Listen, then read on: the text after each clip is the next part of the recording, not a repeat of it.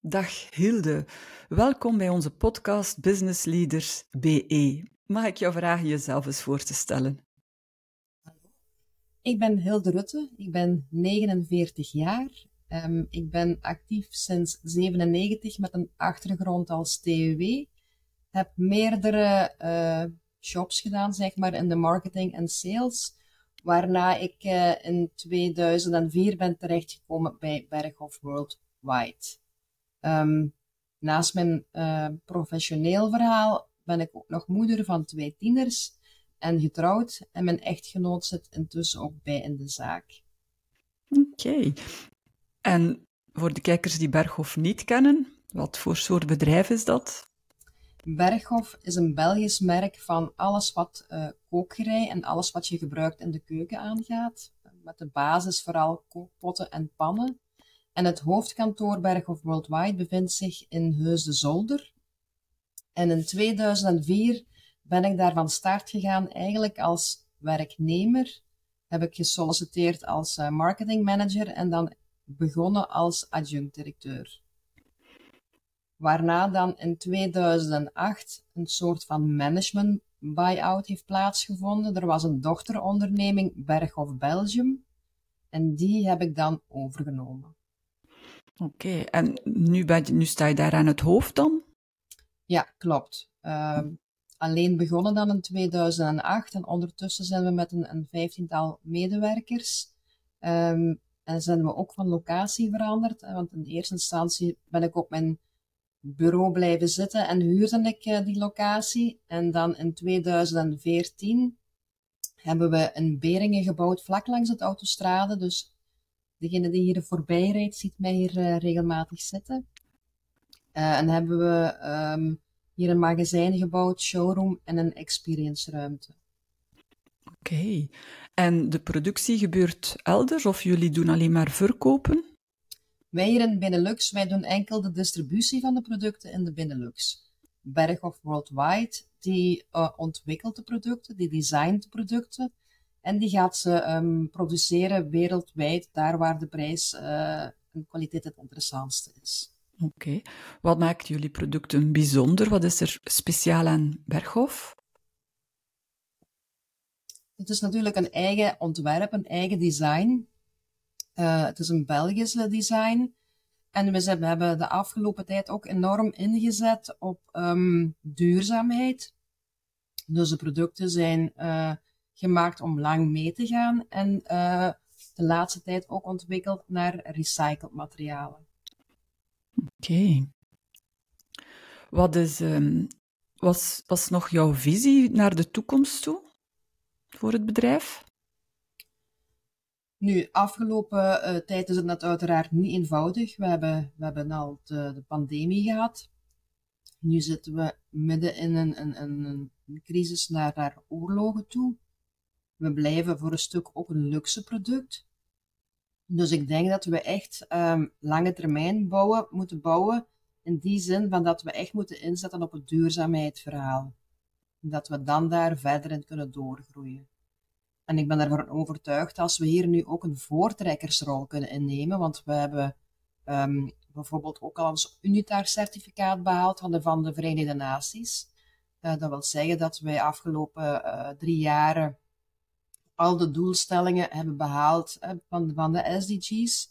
we gaan nu de next step zetten, waarbij we ook een soort van dashboard gaan opzetten zodanig dat we uh, continu onze eigen voetafdruk kunnen meten, maar dit ook kunnen gaan vertalen naar onze retailers en naar onze eindconsumenten.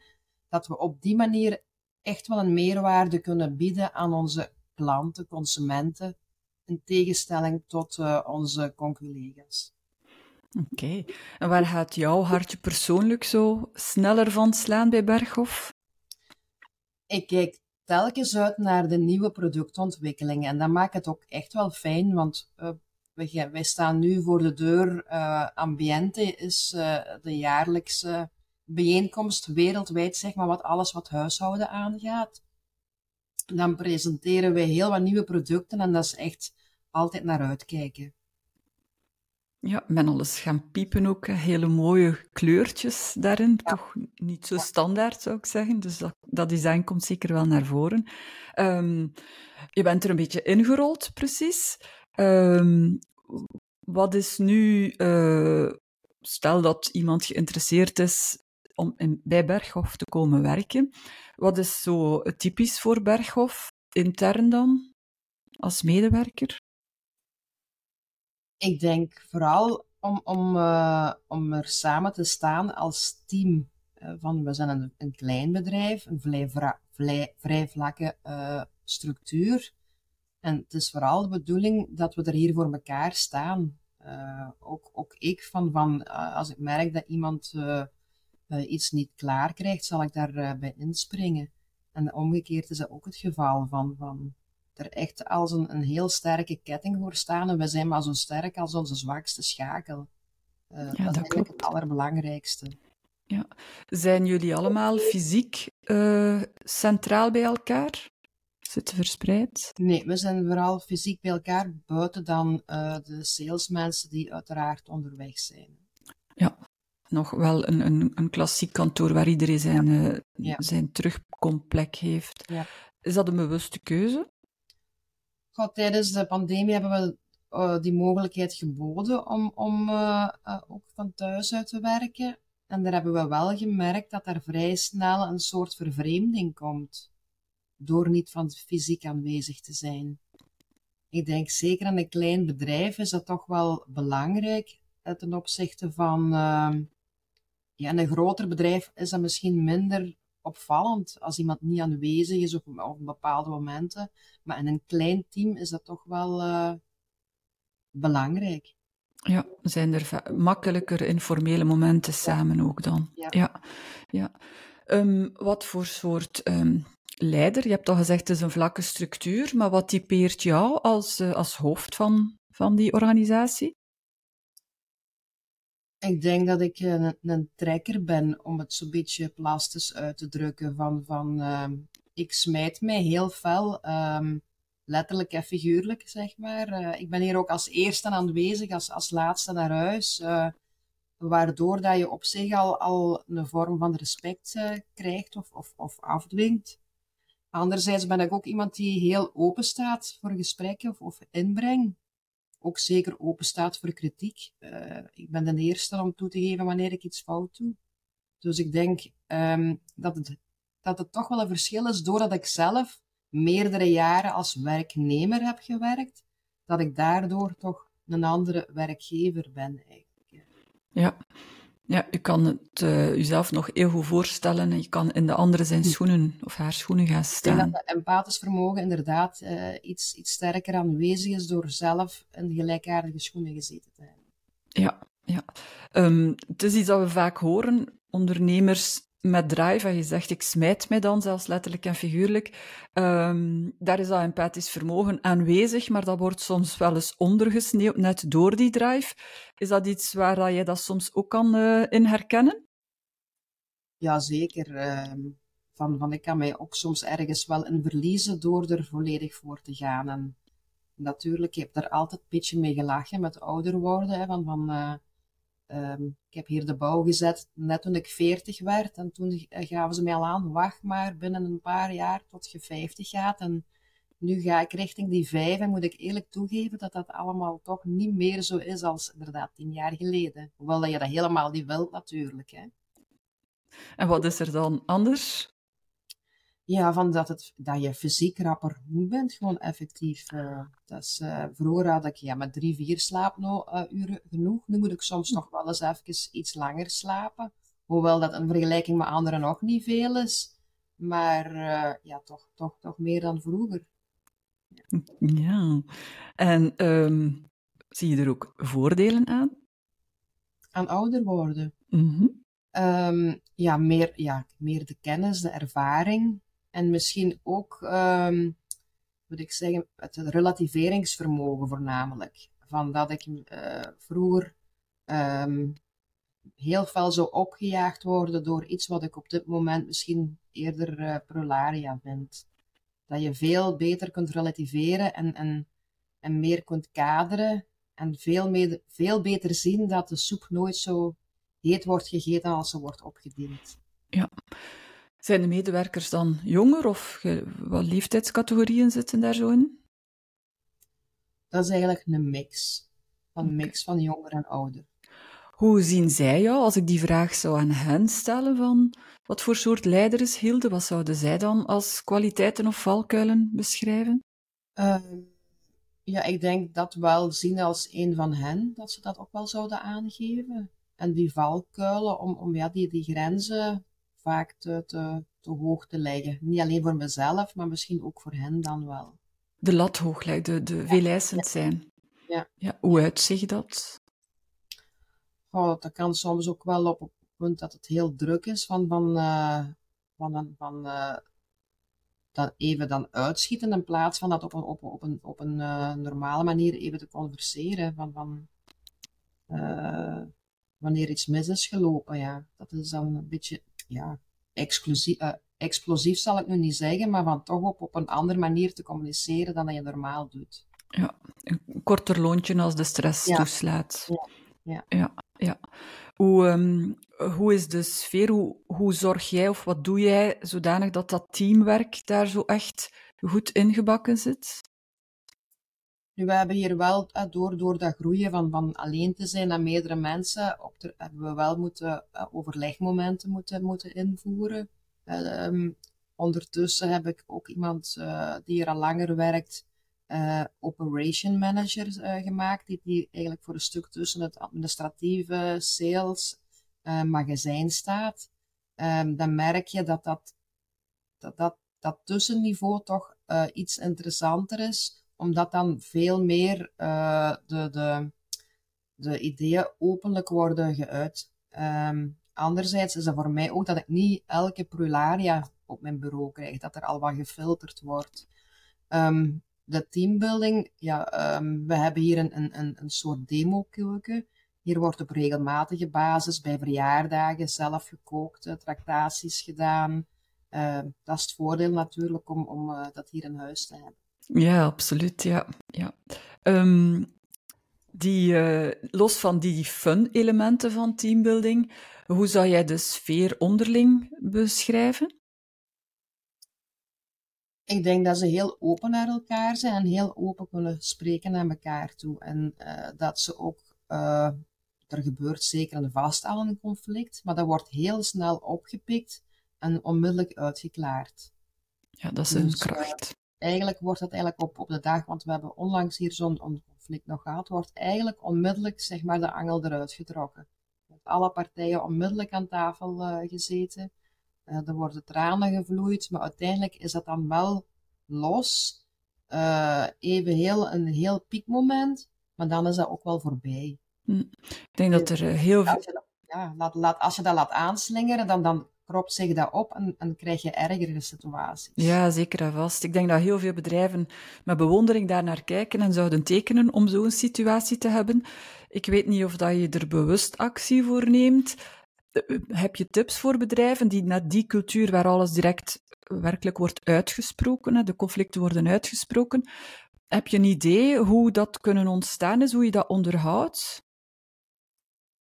Oh, ik denk dat dat een beetje voor een stuk is ook van hoe dat je in je privéleven instaat. Ben je zelf van je persoon uit conflict vermijdend of conflict aanpakkend? Dat is eigenlijk ook voor een stuk inherent aan, aan jezelf, denk ik. Van, ik, ik, ik kan daar niet tegen, tegen spanningen. Dus dat moet er bij mij onmiddellijk uit. Ja, dat is een, een heel interessante zienswijze, omdat wij heel vaak ook horen, ik kan niet tegen spanningen, dus ik ga ze vermijden. Ik ga het conflict niet aanpakken, maar vermijden. Dus dat is, uh, dat is bijzonder, denk ik, om het van die insteek te zien. Uh, ik neem aan dat je een mix hebt van, van persoonlijkheden, dus dat sommigen ook eerder zullen het conflict vermijden. Uh, ergens is dus een sfeer, is er een klimaat waarbij dat gestimuleerd wordt uh, bij jullie.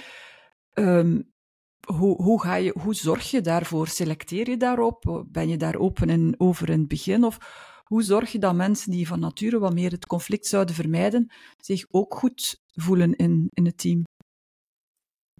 moet zeggen dat we dat ook onmiddellijk aanpakken bij de, bij de eerste gesprekken ook, van, van waar ik mezelf ook toelicht. Van, uh, van, ik heb het er straks ook hier zelfs toegelicht, van, dat ik soms heel kort in mijn antwoorden kan zijn. Of bijvoorbeeld ook in mails kan ik heel kort zijn, maar ik, ik licht dat onmiddellijk toe. Waarom dat, dat is? Om van, van ik, ik hou niet van rond de pot draaien.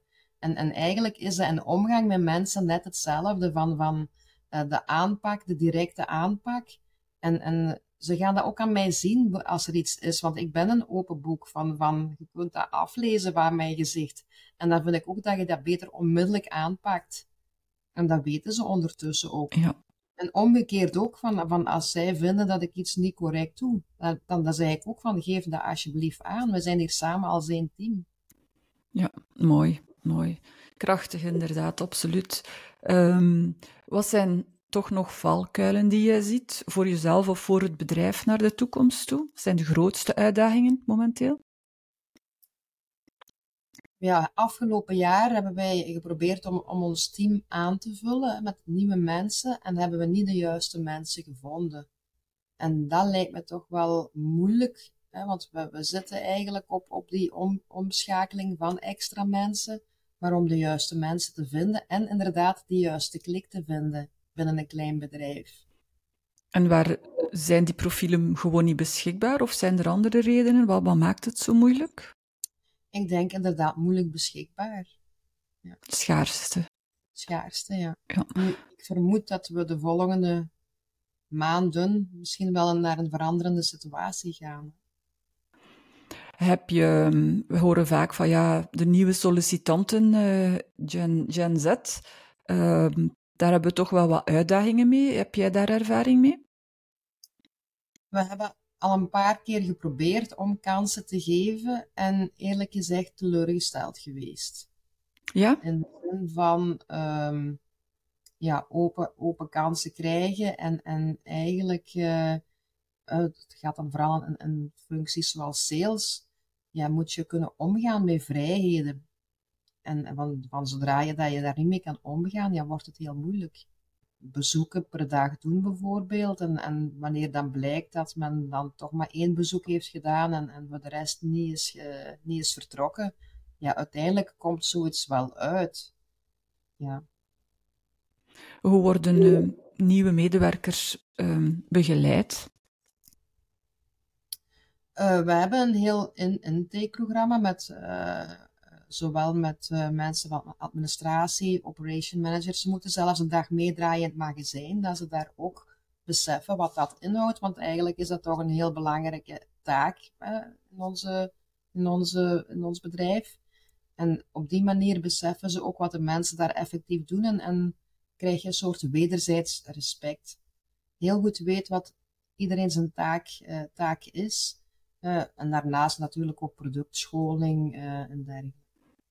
Ja, ik uh, moest nu eventjes denken, je hebt het terloops vermeld dat uh, jouw partner ook uh, in het bedrijf werkt.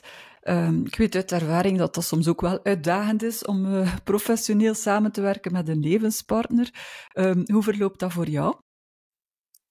Ehm, we zijn samen begonnen in 2015, dus daarvoor ben ik eigenlijk altijd heel alleen bezig geweest met, met Berghof. Dus hm, voor mij keek dat ook, leek dat ook iets als, dat is hier van mij. Dus ik heb moeten leren in eerste instantie, dat is hier van ons. En we werken hier samen aan. Um, ik ben CEO, dus eindverantwoordelijke. Hij is commercieel verantwoordelijke. Dus we proberen ieder zijn eigen verantwoordelijkheden te laten nemen. Maar soms geeft dat toch vonken en vuur. dat kan ik mij... We raken er altijd uit wanneer dat we uitgaan van niet van dat is mijn idee of mijn idee. Nee, wat is nu het beste voor de zaak? Wauw, ja. En als we daarvoor gaan, kom je er altijd uit. Ja, ja, een, een heel uh, interessante tip trouwens, niet alleen als koppels, maar voor iedereen, denk ik, in bedrijven. Als je de zaak of het bedrijf voorop kan stellen en ja, naar het geheel daarvan kijkt, hele mooie, hele mooie visie. Um, heb je zelf um, naar de toekomst toe, je hebt al gezegd, jullie gaan inzetten op, op of je ziet een inzet op duurzaamheid. Was voor jou um, naar de wereld toe dan, naar markten toe. Wat is jouw visie? Hoe denk je dat het, uh, wat komt er op ons af? Je zei net, het gaat misschien verbeteren naar instroom voor, voor uh, medewerkers. Wat voorspel jij? Ja, ik denk dat we toch nog een aantal moeilijke maanden, hopelijk niet jaren, tegemoet gaan. Um, maar uiteindelijk, ja, ja, we hebben ook al geleerd de afgelopen tijd dat, dat uh, mensen heel veerkrachtig zijn. En dus van, van, van zodra dat er iets wat stabiliteit komt, en uh, dat er dan ook onmiddellijk beterschap is. En heel vaak zit er toch nog heel, heel veel dingen gecapteerd in het, in het mentaal zijn. Um, hè, want uh, we, we, spreken allemaal over dure interestvoeten. Het gaat hier nu op dit moment rond de 4, 4, 5 procent. Ja, in de jaren 80 sprak men over 11 procent rente. Dus ja, alles is ook een momentopname. Dus ik denk ook wel dat we naar een soort uh, gewenning gaan komen. Wanneer, uh, en dan terug, dat er terug uh, meer gespendeerd wordt en dat alles terug uh, aan de gang raakt. Um, anderzijds, het duurzaamheidsverhaal gaan we niet meer aan de kant kunnen vegen. Kan ook niet. We, als we denken aan onze eigen kinderen, willen we toch ook nog wel dat die een wereld tegemoet gaan zonder overal overstromingen, uitbarstingen, noem maar op. Dus het is echt ja, niet vijf voor twaalf, maar vijf na twaalf. Het enige wat mij dan wel, wel, wel stoort, is dat wij allemaal hier binnen West-Europa enorm ons best doen. Uh, maar we zijn maar een klein vlekje in heel de wereld.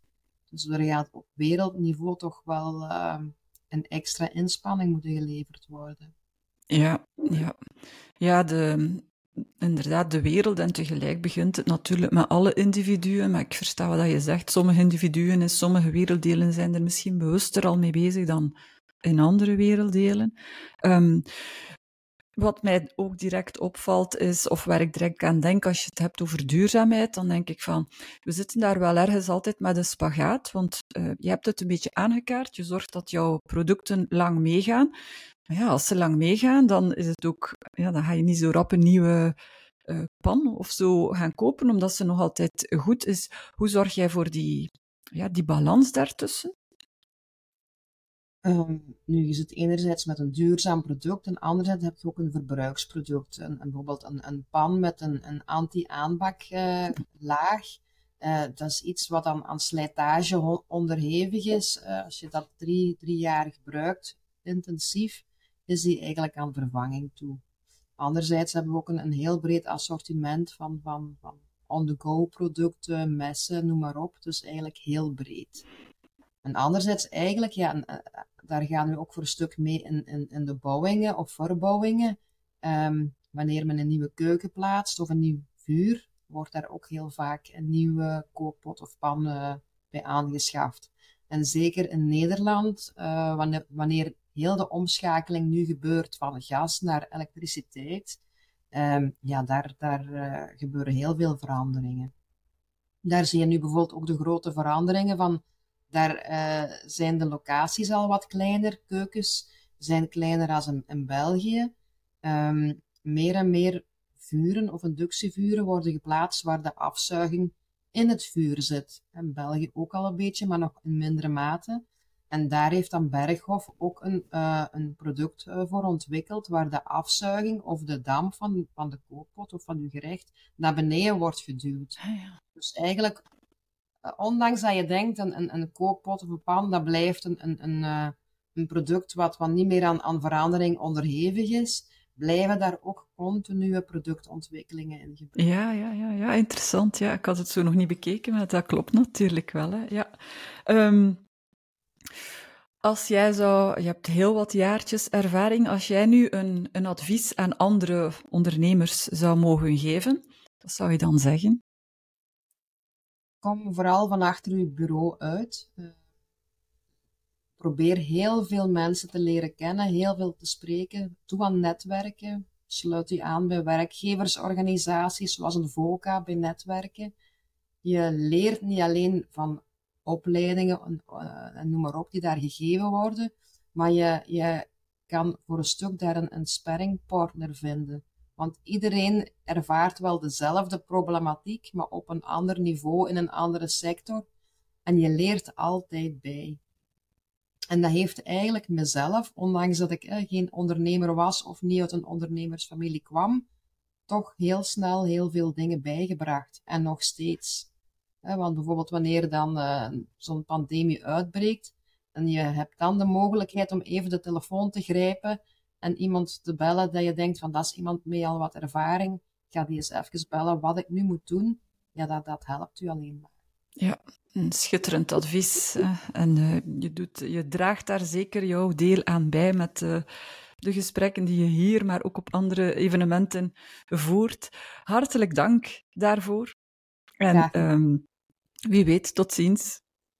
Tot een keertje live. Hè? Ja, graag. Dag. Zo, ik hoop dat deze babbel jou inspiratie bracht. Maar iedere situatie is natuurlijk anders. En toch zien wij in dezelfde moeilijke situaties sommige bedrijfsleiders elke dag opnieuw goed verder werken aan hun visie, terwijl anderen in dezelfde lastige omstandigheden altijd brandjes blijven blussen en eigenlijk weinig vooruitgang boeken. Hoe komt dat nu? Waar zit dat verschil? Wel, dat verschil dat ligt in hun leiderschapsprofiel. Als zij hun leiderschapsprofiel kennen, en dat betekent dat zij hun eigenschappen kennen en hun valkuilen kennen, en als ze dan ook nog wat aandacht besteden om daarin te verbeteren en daarmee te gaan werken, ja, dan groeien zij zelf als, als leider en als mens. En dan pas kunnen zij ook hun mensen laten groeien en dus hun bedrijf laten groeien. De moeilijkheid is natuurlijk dat zo'n leiderschapsprofiel bepalen, dat dat niet eenvoudig is om dat van uzelf vast te stellen, want iedereen heeft blinde vlekken. Daarom hebben wij een model ontwikkeld, onze Unchained Leadership Scan. En we zijn heel fier dat er al bijna 3000 bedrijfsleiders daarmee een leiderschapsprofiel bepaald hebben en dat dat hun tot resultaten bracht die ze zelf niet hadden verwacht. Als luisteraar van deze podcast nodigen wij jou natuurlijk graag uit om ook jouw leiderschapsprofiel op te stellen. En in onze masterclass gaan we dan aan de hand van jouw leiderschapsprofiel gaan kijken hoe dat je die inzichten kan vertalen naar concrete groei en concrete acties, zodanig dat je met je bedrijf en je team samen verder kan groeien. Ga daarvoor naar intentive.be slash masterclass. Ik herhaal intentive.be slash masterclass. Dankjewel en tot gauw!